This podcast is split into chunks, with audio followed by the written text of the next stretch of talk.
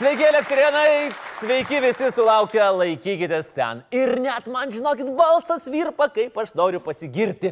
Nes mes turėjom svajonę. Laisvės televizija, aš turėjau svajonę. Kaip ir mūsų bendražygiai ir bendraminčiai. Martinas Liuteris Kingas turėjo svajonę, kad liautųsi rasizmas. Džimas Keris turėjo svajonę, kad visi pasaulio žmonės taptų turtingi. Popiežius Jonas Paulius II turėjo svajonę, kad būtų taika. O aš turėjau svajonę pagal subscriberius aplenkti Pišius anegdotas YouTube kanalą. Ir ką? Ir ką? Ir ką? Ir šią savaitę svajonė išsipildė. Woo!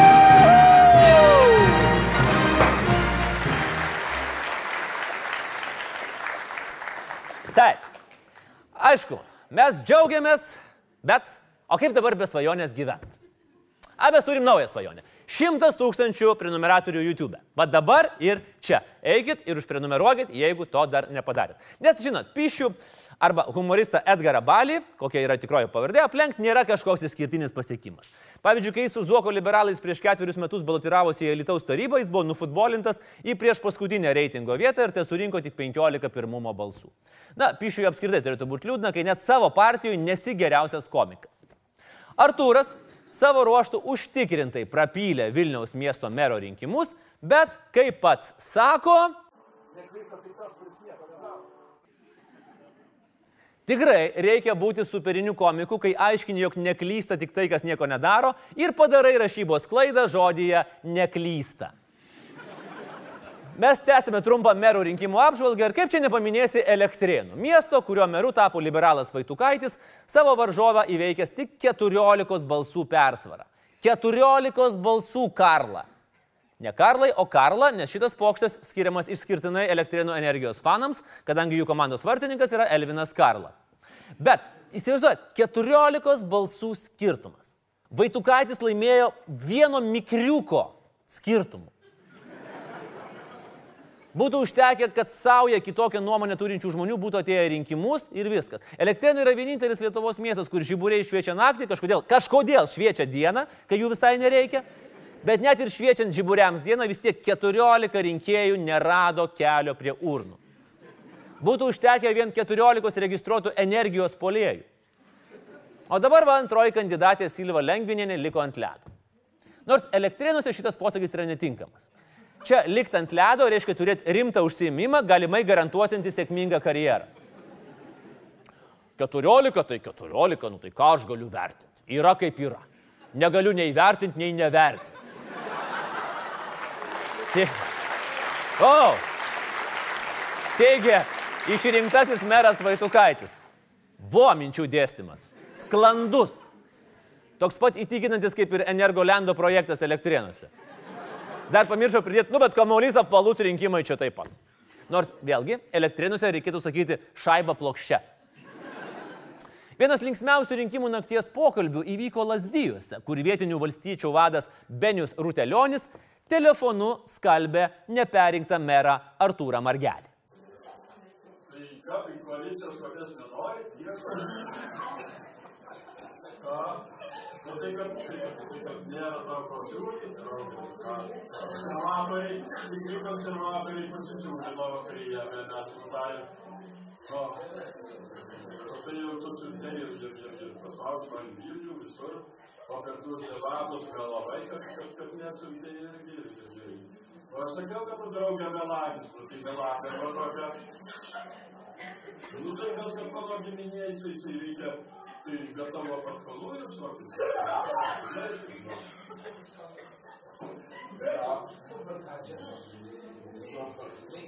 Ja, draugas tu nefotografuok, bet čia bus gal visos Lietuvos parodys.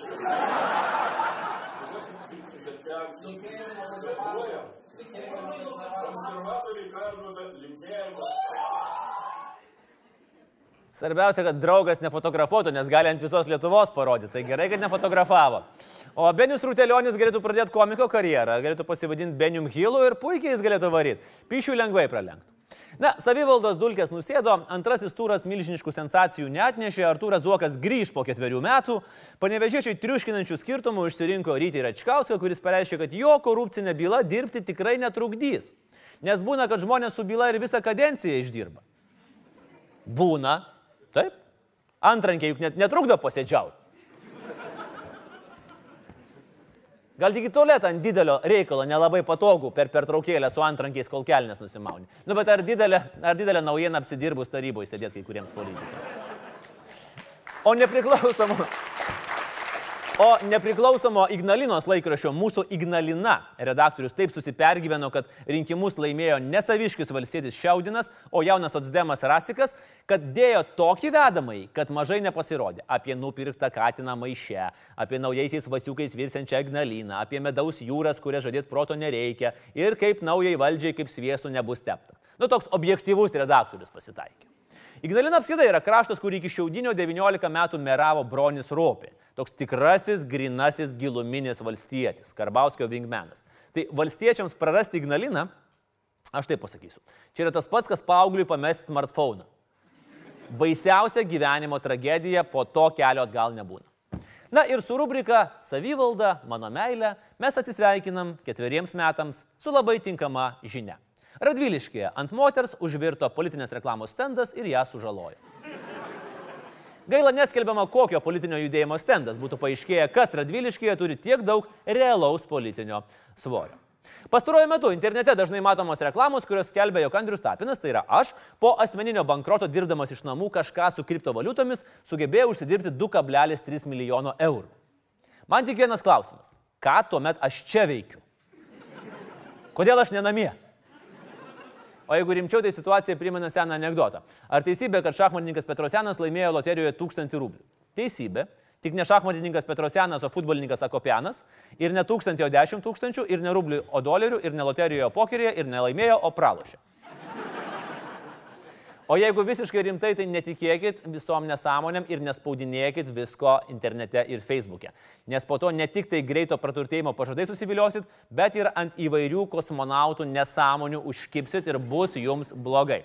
Mindaugas Puidokas paserviravo neįtikėtiną grafiką, kuris rodo, kaip dailiai ir sparčiai prie komunistų daugėjo šalies gyventojų skaičius ir kaip staigiai ėmė kristi 90-aisiais prie konservatorių ir liberalų. Na, gal reikėtų paneigti tokią rinkiminę agitaciją ir paaiškinti, kad liberalai ir konservatoriai Lietuvos valdžioje nuo 90-ųjų nesėdi. Nu, gal reiktų. Ai, bet gal tiek to. Juk čia net nerinkiminė agitacija. Priešingai, pats Puidokas grafiko apačioje ragina sakyti ne utopinėms idėjoms ir rinktis protingus sprendimus. Bet mes vis tiek esame nuoseklus ir Laisvės televizija sako, jeigu dar nepasirašėt už Mindaugą Puidoką prezidento rinkimuose rinkėjo puslapis.lt, tai pasirašykit. Pasirašykite, įsivaizduojat, kas bus, jeigu jisai surinks 20 tūkstančių parašų. O čia tas pats, kas, pavyzdžiui, Steve'as Karelas sako, pasirašykit ir aš grįšiu į Office serialą dar vienam sezonui. Tai negi nepasirašytumėt. Iššautumėt parašą greičiau nei kulk. That's what she said. Ir už putėjį pasirašykit. Ir už centro partiją pasirašykit. Ir už guogą pasirašykit kad mes toliau galėtume kurti rubriką Guoga bolas ir tobulinti šito stebuklingo žaidimo taisyklės. Nes šią savaitę Mielasis Antanas dėjo absoliučiai iš viršaus per save žirklėmis persiversdamas. Kalbėdamas pasiekilaitį, jis įvardijo pačią stipriausią priežastį, kodėl grįžta į Europarlamento rinkimus. Jūs buvote apsisprendęs palikti politiką, dabar pasakot jau taip tvirtai, dabar tvirtai pasakot, kad apsisprendėte keisti, įrodinėti, radote iššūkį. Ka, kada įvyko tas virsmas ir kodėl? Iš tikrųjų, gulėjau lovoje ir pasijuto tuštuma, kad aš...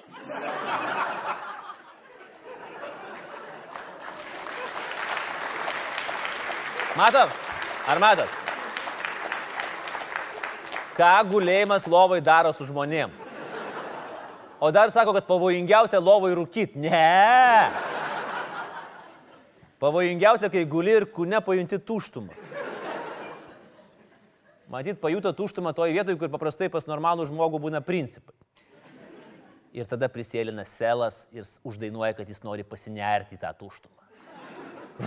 Tada iš karto atsistoja ir geriau jau eini į rinkimus kartu su puidoku žinodamas, už ką stovėsi. Stovėti už paprastą žmogų. Centristinė vertybė yra stovėti už paprastą žmogų. O, kai, o kairioji ne. O kairioji ne. Už nepaprastą. Kairioji yra daugiau, matot, yra labai daug populizmo tam. Tai, tai kairiai. Tai centristinė vertybė yra stovėti už paprastą žmogų. O Edmonė supranta, kaip suprasti, kaip suprasti. O taip paprastai. Užlauži tragiškai nusvyrusias rankas ir stovi už paprastą žmogų sustingęs kaip ašara Dievo akyje. Koks jūsų politinis kredo? Visada 12 kėdžių, sakė Šalkalvis Polėsovas. Na ir galiausiai tikrasis Guogagbolo šios savaitės MVP. Negali būti pensija. Vokietijoje 3000 eurų ir Lietuvoje 300 eurų. Nėra 3000 eurų. Bet, bet kai kurie žmonės.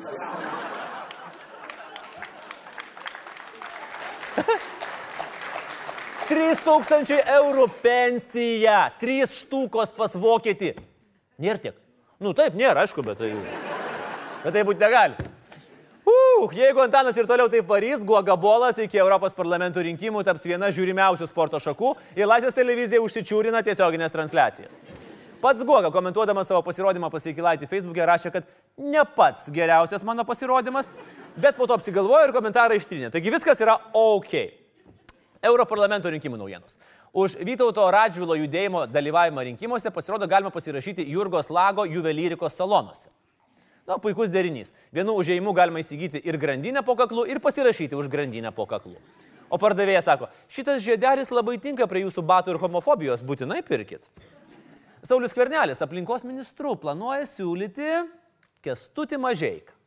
Bičia, kuris pralaimėjo Marijampolės mero rinkimus povilui įsodai.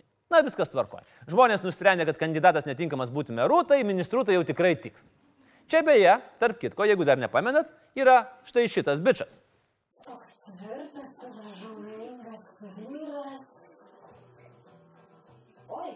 Medžiotojas?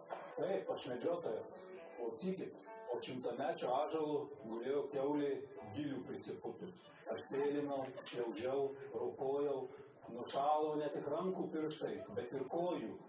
Prispaudžiau šautuvą, aš prie pėties, tam šernui niekas jau nepadės. Taip pat ministras busimasis yra šitas bičias su ketureiliu apie varpas ir sveikinimą orgasmo dienos progą. Tiesiu aš varpą tau, deklamuoja ministras. Nors nei akių, nei veido nematau. Jau šiek tiek krypi. Tiesiu tau varpą, nors nei akių aš nematau. Ir nežiūrėt, imti jeigu duoda reikia. Dar labiau krypi. Ir nesakyk, kad tik mane čia karštis veikia. Tai, nu ką žinau, nu sveikinu aplinkos ministeriją. Turbūt.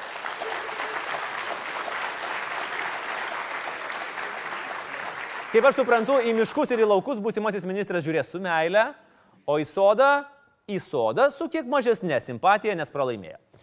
Sveikinu visus su orgasmo diena, sako ministras, ir linki, kad varpos būtų netuščios. Nu, kur jau ten bus tuščios, kai turėsim pirmąją vienos lyties vyriausybę. Kaip sako būsimasis aplinkos ministras, ištiesim Europai varpą. Beje, ar žinote, kokį kokteilį penktadieniais po darbo gers Lietuvos vyriausybė? Penių kolada. Saulis Kvernelis nusprendė parašus rinkti ir poliklinikose. Ir štai matote nuotrauką iš Kauno Dainavos poliklinikos. Ir aš galiu konstatuoti, kad su sveikatos apsaugos sistema Lietuvoje yra viskas gerai. Poliklinikoje nėra jokių eilių. Bet kodėl poliklinikoje rinkti parašus? Aš vadinu suprantu. Sveiki žmonės už Kvernelį nepasirašinėja ar kaip?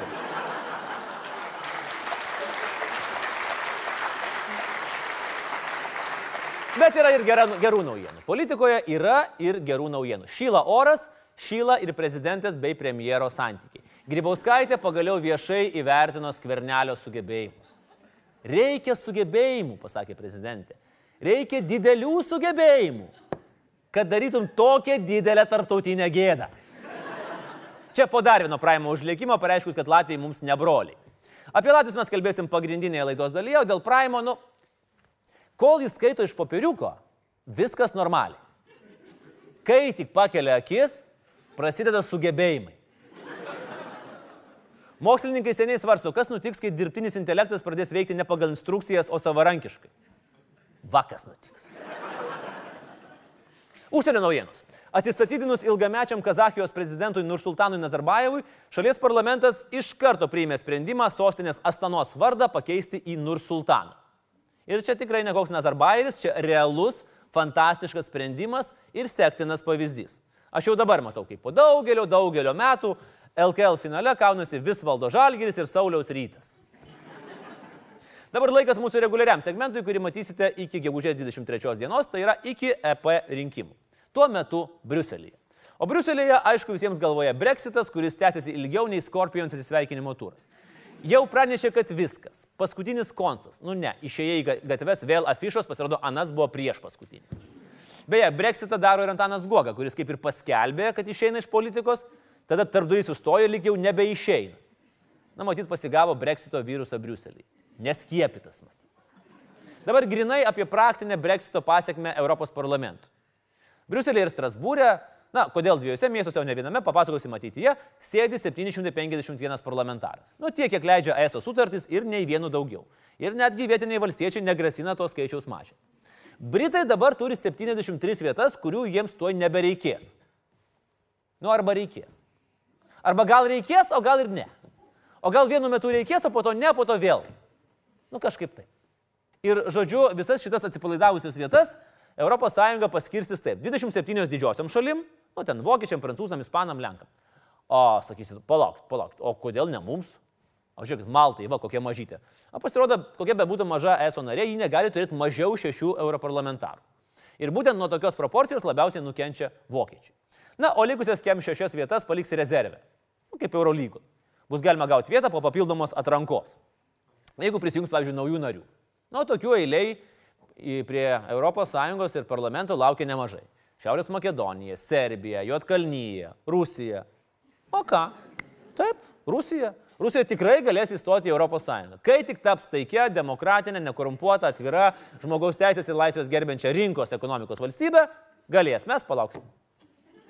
Ir dar vienas naudingas dalykas iš Brexito, pagaliau visi Europos parlamente galės kalbėti angliškai kaip neutralia kalba. Ir nesiparinti, kad Britai taiso jų pas kontinijos laiko naudojimą.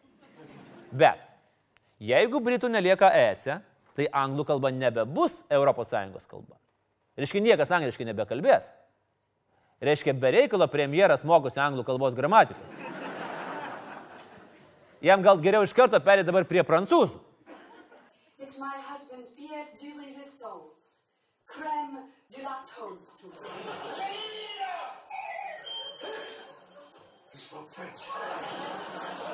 Later, later.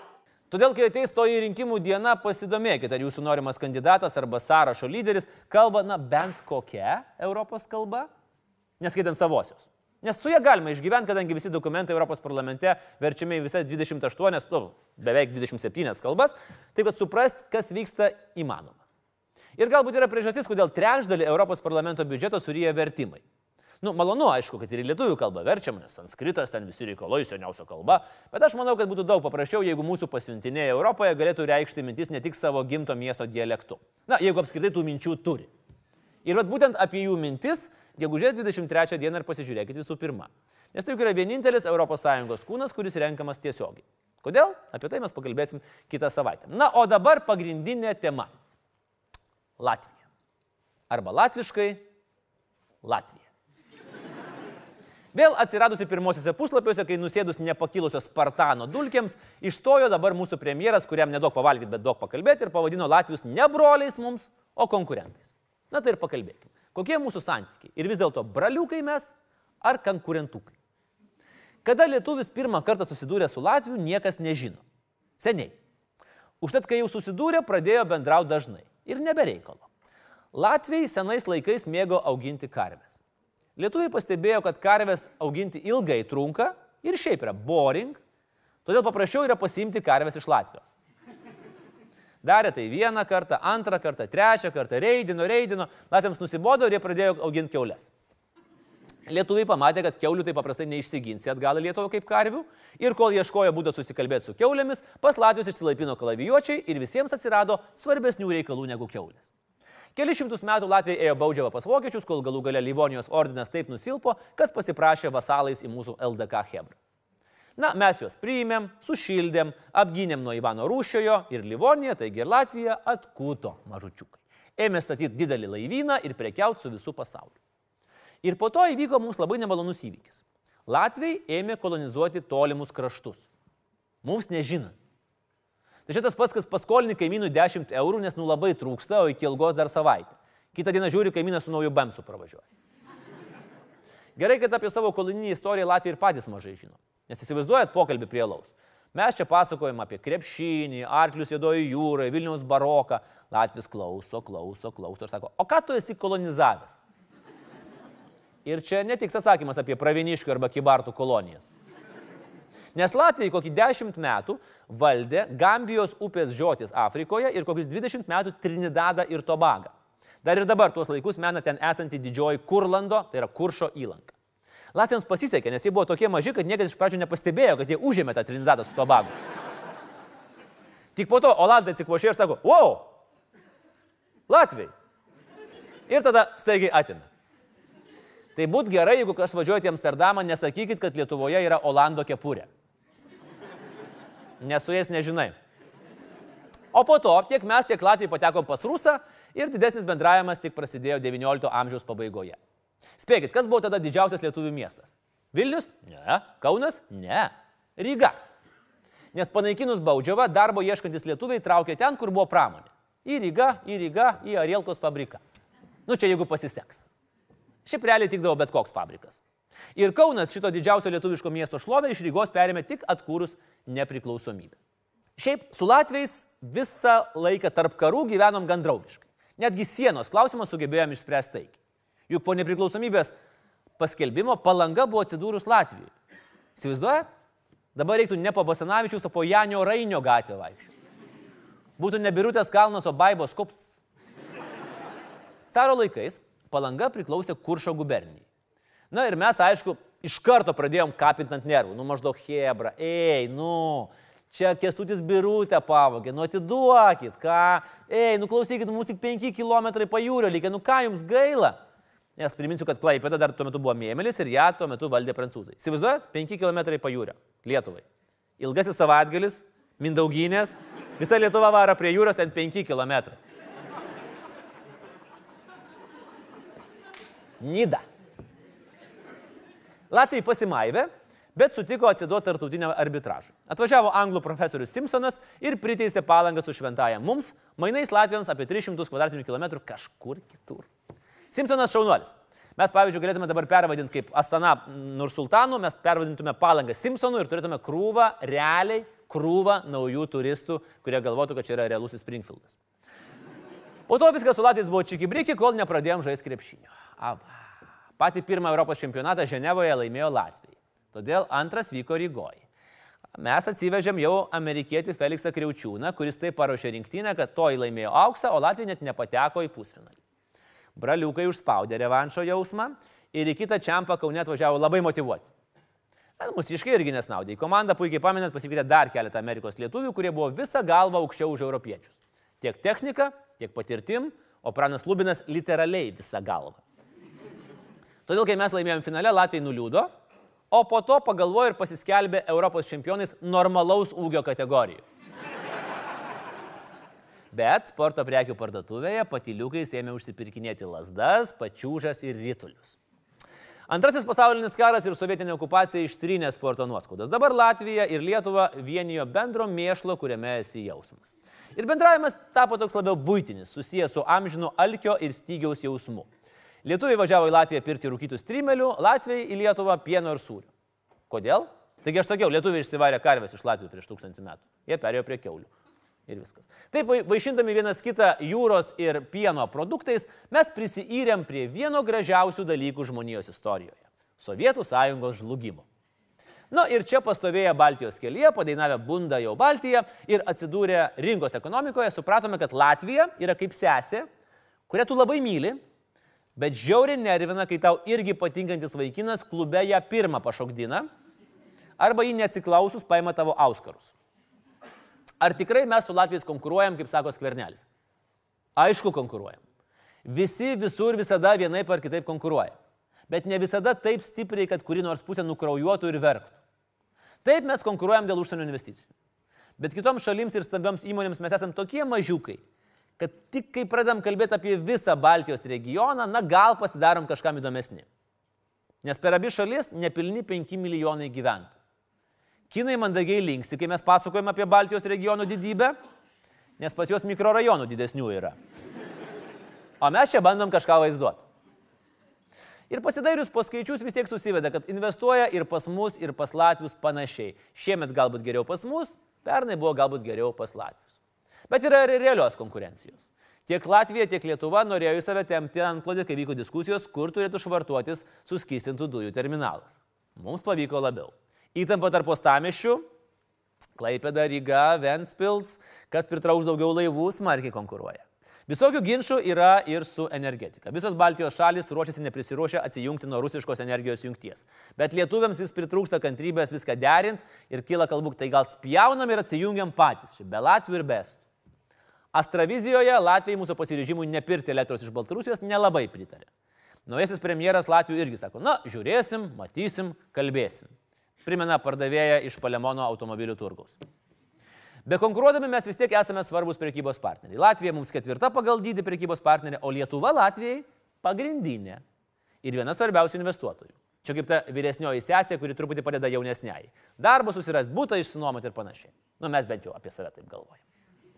Verslai aktyviai ieško vietos šalise viens kito. Turi maždaug po pustrečio šimto latviškų įmonių čia ir lietuviškų ten. Gal nelabai žinom latviškas įmonės, bet užtat ten mes turim ir Chili Pizza, ir Sanitexą, ir Baltic Mill, ir Būsto valdą, ir žinoma Maxima. Maxima šiaip yra šaunuoliai.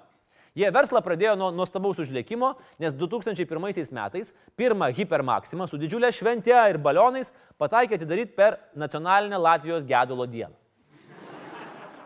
Kad paguostų Latvijos tikriausiai dainavo viskas yra ir bus gerai. Be partneriaudami mes dar ir kariaujam. Taip. Su Latvijais yra buvę begalė be kraujų karų. Ir visi susiję su maistu. Keulių karas, surelių karas, muitų karas. Vienu metu iš viso kilo chaosas. Pieno karas, aliejaus karas, miltų karas. Tai galėjo pavadinti piragų karas ir būtų viskas aišku. Įsivaizduojat, susitinka ant sienos dvi kariuomenės, kiekviena savo grūdėtąją varškę suvalgo ir grįžta atgal į kareivinės. Va tokie karai. Turizmo srityje ir mes ir Latvijai esame vienodi liurbiai ir stipriai gaunam nuo beveik visos Europos šalių. Bet tai ko norėt? Kai iš visos ES mažiau naktų nei Lietuvoje ar Latvijoje turistai praleidžia tik Luksemburgė. Nes liukso numeriai labai yra brangus. Ten. Aišku, turizmas abiejose šalise atsigauna, nes koks užsienietis nenorėtų pamatyti Dionizo Poškos baublio ar namo, kur gimė Kaspars Kambala. Sostinių turizme tai aišku gaunam į skudurus. Nesvarbu, kaip stimuliuojam G tašką, Nors antra vertus, Ryga reklamuojasi irgi kažkaip panašiai.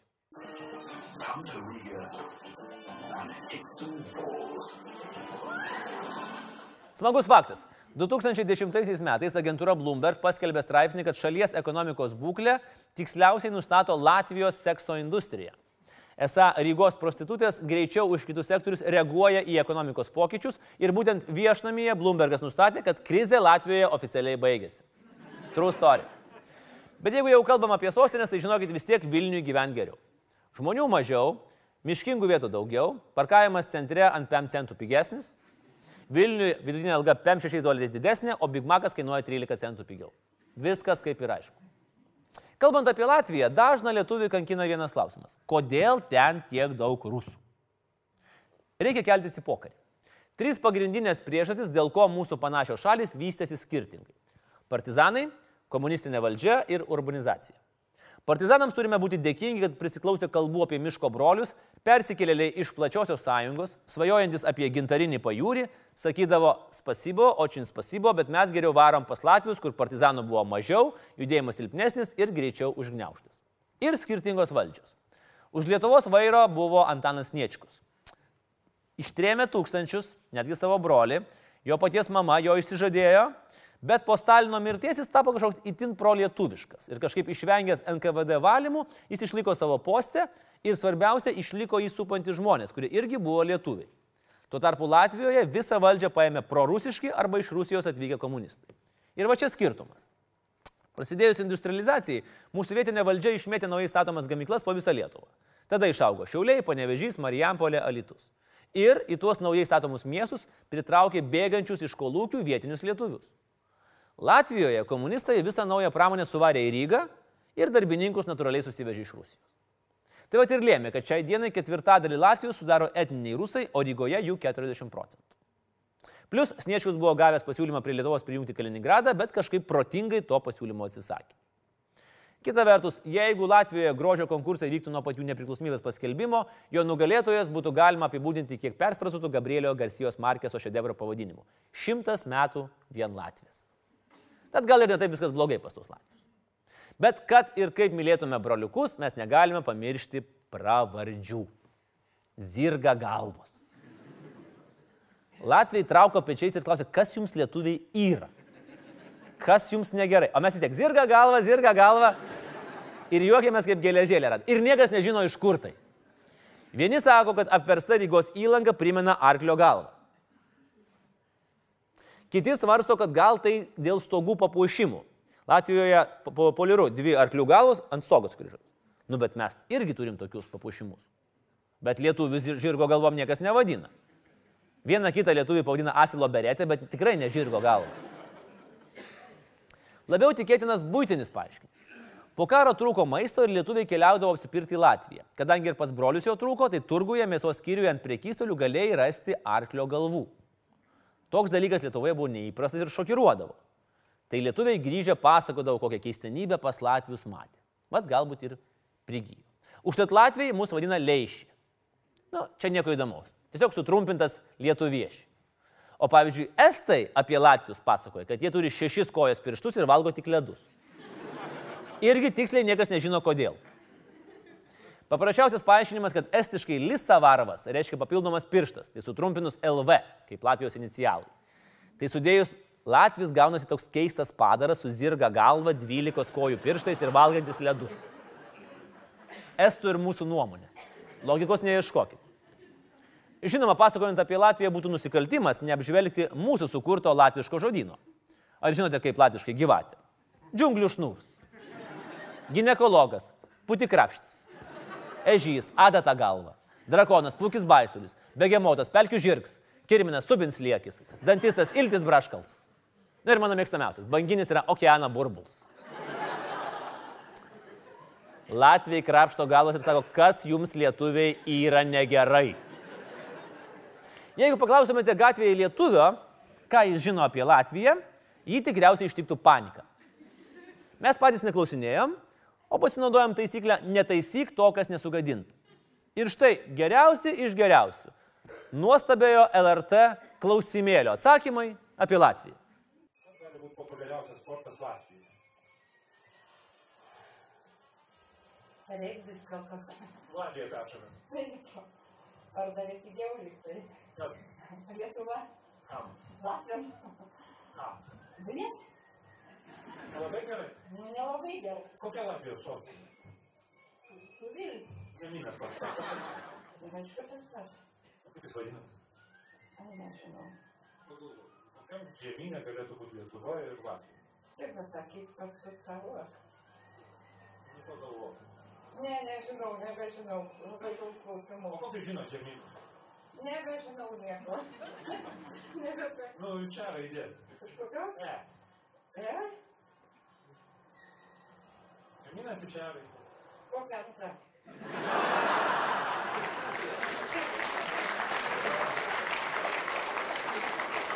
Man, e, man visada yra įdomu, juk tie žmonės turėjo baigti mokyklą.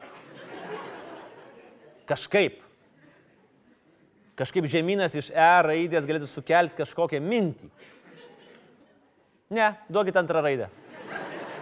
Duokit man jų mokytojams į akis pažiūrėti. O šiaip aišku, geriausiai turbūt žinom Latvijos muzikantus.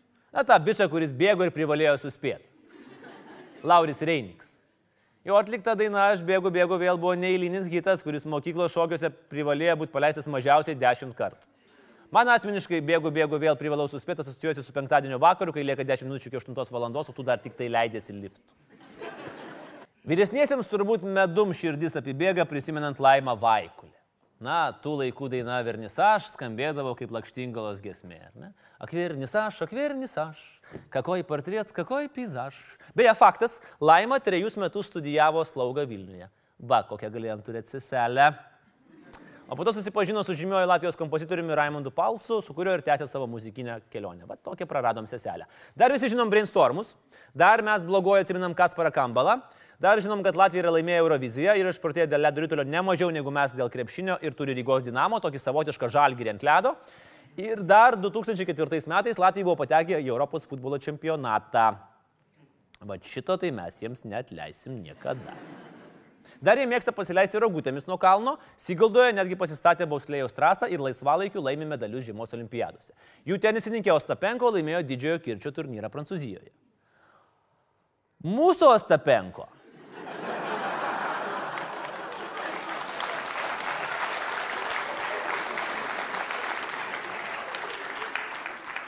Mūsų Ostapenko didžiuosius kirčius labiau prasileidžia. Girtas Klaipėdo senamestį. Latvija sėkmingai adaptuoja lietuviškos televizijos virtuvės produktus. Serialas Moteris meluoja geriau, Latvijoje virto vynas melo labak, o tūkstantmečio vaikai gudrs vėl gudraks. Apskritai, aš galvoju, lietuviškų laidų pavadinimai latviškai kažkaip labai keistai skamba. Pavyzdžiui, duokim garo, gaunasi dot tvaiko. Kas labiau panašu ne į folkloro, o į pachmėlo laidą. Auksinis protas špižia prats, tave pagalba, tave padlidzyba, o kas ir kodėl, kas un kapiets. Latvija mus lenkia ir festivaliais. Kiekvienais metais vykstantis didžiausia auditorija pritraukiantis muzikos festivalis pozityvus gali pasigirti net 35 tūkstančiais dalyvių. Nu, pas musgi pozityvus su tiek žmonių greit bus tik tai tyrimo dėl timų rezultatas, kito nėra variantų. Turbūt populiariausias Lietuvoje muzikos festivalis Granatos Live pritraukė apie 20 tūkstančių žmonių. O juk pas braliukus tai mažiau žmonių valstybė. Kur problema? Na, aš tikiu, kad į Granatas visi važiuoja geriau nusiteikę ir labiau užsidegę. O jeigu ne, tai nuvažiavę nori, nenori jie užsidega. Na, o kaipgi ta vieta, kuri ir įkvėpia temą apie Latviją? Politiniai santykiai. Na, čia taip įvairiai, sakykime. Panašiai kaip tikri broliai. Tu už brolį pasiruošęs atiduoti širdį. 12 balų tu jam duosi. Bet jeigu jau žemę dalintis, tai kur mano kirvis ir kvieskit tave pagalbą, laikykit mane. 95 metais Algirdas Mykolas su savo sugerovo Latvijos prezidentu Ulmaniu sprendė tarptautinius santykius medžioklėje, pirtelėje, taurelėje ir tiek prisprendė, kad Guntis pakišo Mykolai pasirašyti memorandumą dėl valstybės sienos jūroje. Deja, Mykolo parašas pasirodo atidavė kontinentinį šleifą ir atėmė iš Lietuvos galimybę eksploatuoti povandeninius išteklius. Už tokį neapdairumą Mykolui Algirdui tikrai buvo užkurta tikra pirtelė. Ir netgi grasinta apkalta ir prezidentui teko atšaukti savo parašą specialių dekretų. Kadaise Latvijos premjerui trūko kantrybė bendraujant su tuometiniu mūsų užsienio reikalų ministru Violetiniu Povilu Giliu ir Latvijas pavadino jį žmogum su lapine kepure. Lietuvių urmas bandė protestuoti. Aiškino, kad ten yra ne lapinė kepurė, o gilio bakenbardai. Bet vis tiek kilo šiokia tokia krizė. Turbūt geriausi santykiai aukščiausių lygių buvo, kai abiejose prezidentūrose sėdėjo amerikiečiai. Vaira Vykė Freiberga ir Valdas Adamkus. Na, jie tikrai rasdavo bendrą kalbą. How do you do, Vaira? How are you today? Absolutely amazing, Valdas. Thanks for asking. Skverneliu išversiu, kad Adamkus čia klausė, kaip tu tai darai, Vaira.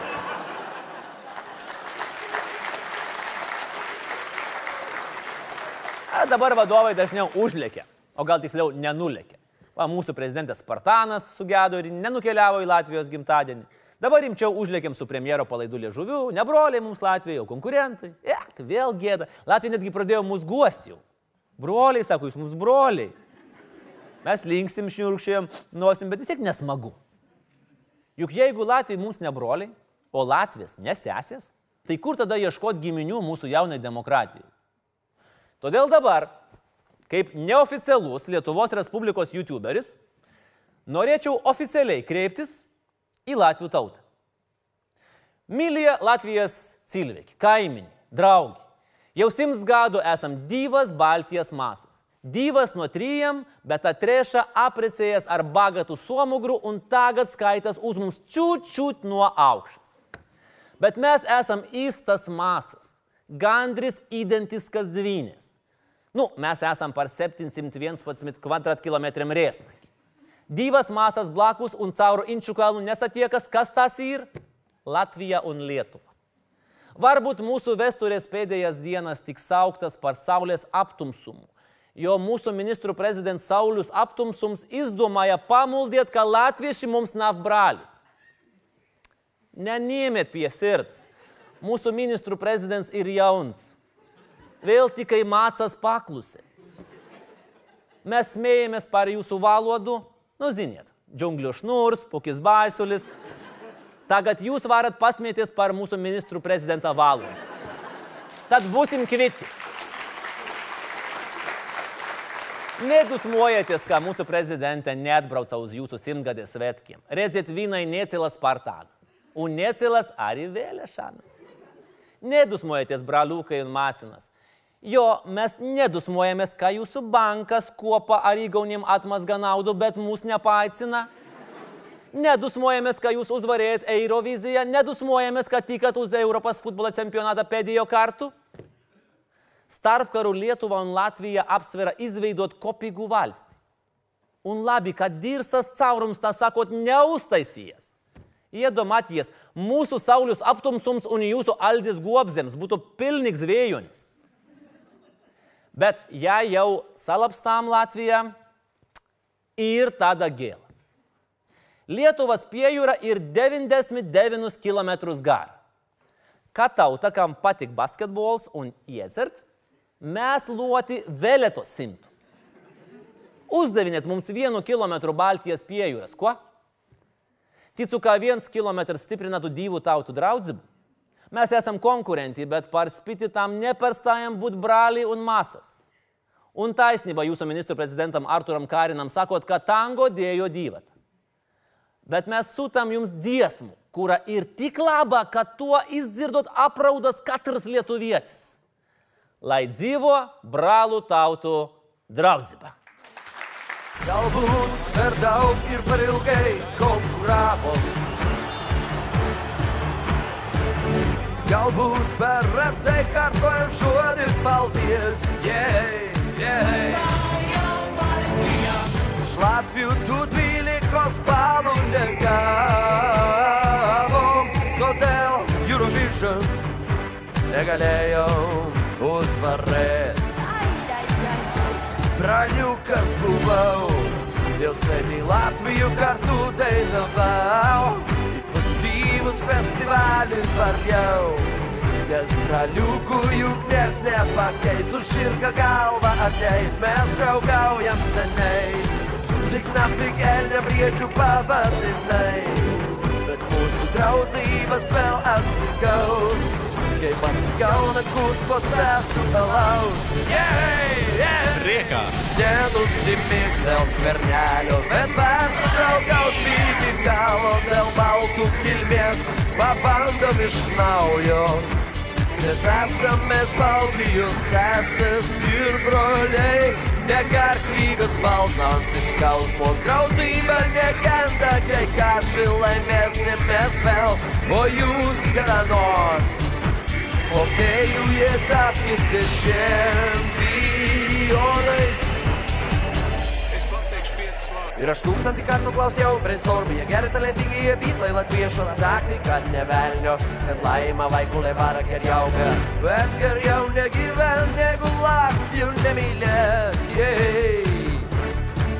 Nenuleidžiam galvos, net jeigu mums nesiseka devynis raizės iš eilės, juk mes ne iš tų, kur negali susikalbėti. Ir nebelieka jau baimės, kai guotiniai išprotai mums baigės, nusipirksim saldėjums ir maizės. Net jei iš Latvijų tu žinai tik pagatski, nes būna, kad kartais kiekvienas be draugo. Ir jauti jų kaimiņš nevis saugo, nes per vieną naktį lielį užaugau. Ir mes braliukai iš naujo, yeah.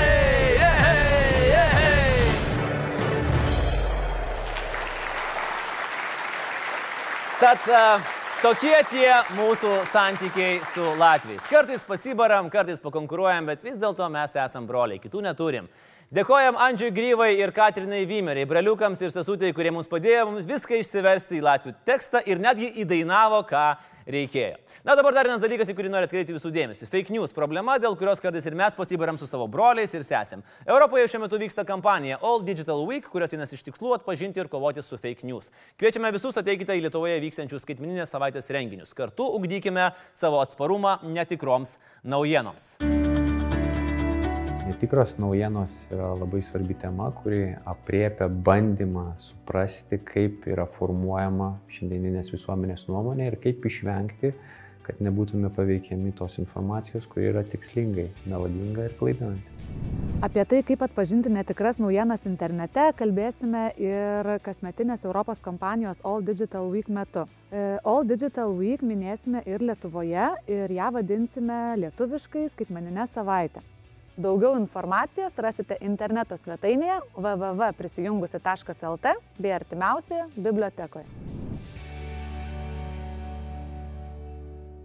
Ir tai yra viskas šio vakaro laidoje. Kol, jeigu kas dar neremėte mūsų 2 procentų gyventojų pajamų mokesčių, aš nesuprantu kodėl ir ką jūs darot. Būkit žmonės, nueikit, susitvarkykit popierius jau dabar ir paremkit laisvą, nepriklausomą ir lengvai kukų žurnalistiką Laisvės televizijoje. Iki kitų kartų.